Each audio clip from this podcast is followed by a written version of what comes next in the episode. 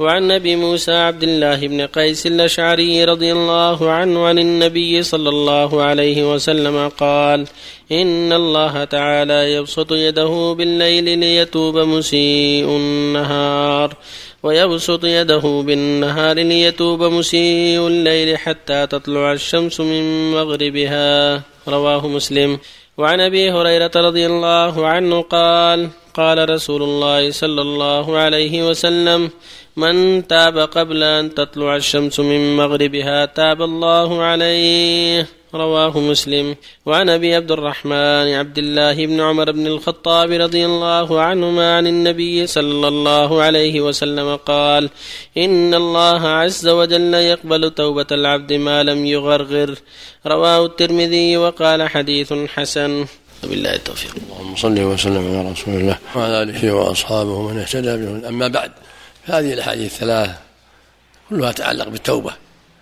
يقول النبي صلى الله عليه وسلم في الحديث الصحيح من حديث موسى إن الله يبسط يده بالليل ليتوب مسيء النار ويبسط يده بالنهار ليتوب مسيء الليل حتى تطلع الشمس مغربها هذا من فضل وجوده وقد حث على هذا ورغب فيه. فقال سبحانه وتوبوا إلى الله جميعا أيها المؤمنون لعلكم تفلحون. وقال أفلا يتوبون إلى الله ويستغفرونه والله غفور رحيم. قال سبحانه يا أيها الذين آمنوا توبوا إلى الله توبة نصوحا فالمؤمن مأمور بالتوبة وكل إنسان مأمور بالتوبة كافر والمسلم والعاصي كلهم مأمور بالتوبة. وكل عاص وكافر عليه يتوب إلى الله من معصيته وكفره قبل أن يموت قبل أن يغرغره. وهذا من رحمة الله ومن إحسانه إلى عباده أن شرع لهم التوبة وأن فتح لهم أبوابها. ولو كان كل إنسان إذا أذنب ليس له توبة لكان الأمر عظيما والمصيبة كبيرة ولكن من فضل الله أنه يقبل توبة العبد. قال تعالى وهو الذي يقبل التوبة عن عباده ويعفو عن السيئات ويعلم ما تفعلون سبحانه وتعالى. فالواجب على كل مكلف أن يبادر بالتوبة وان يلزمها ابدا حتى الموت. وبسط اليد على الوجه يليق به يبسط يده كما يشاء سبحانه وتعالى.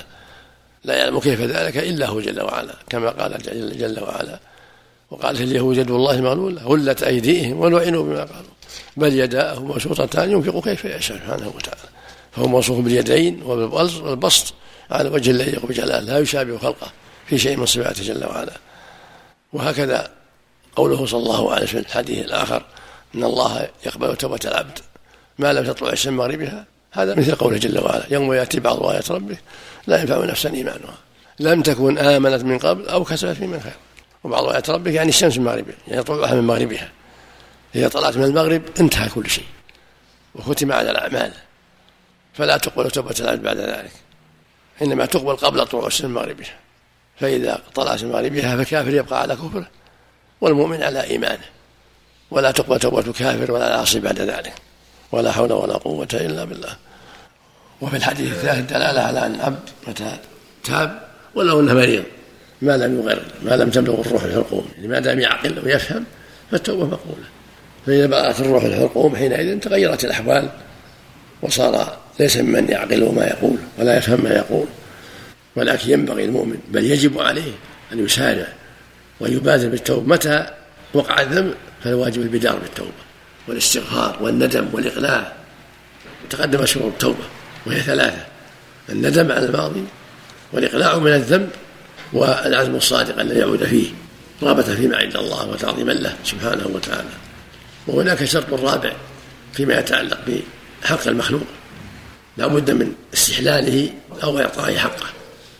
فلا تتم التوبة إلا يعطى حقه أو يستباح فيسمح إذا كان مكلفا رشيدا وسمح من مال أو ضرب أو جرح أو غيبة.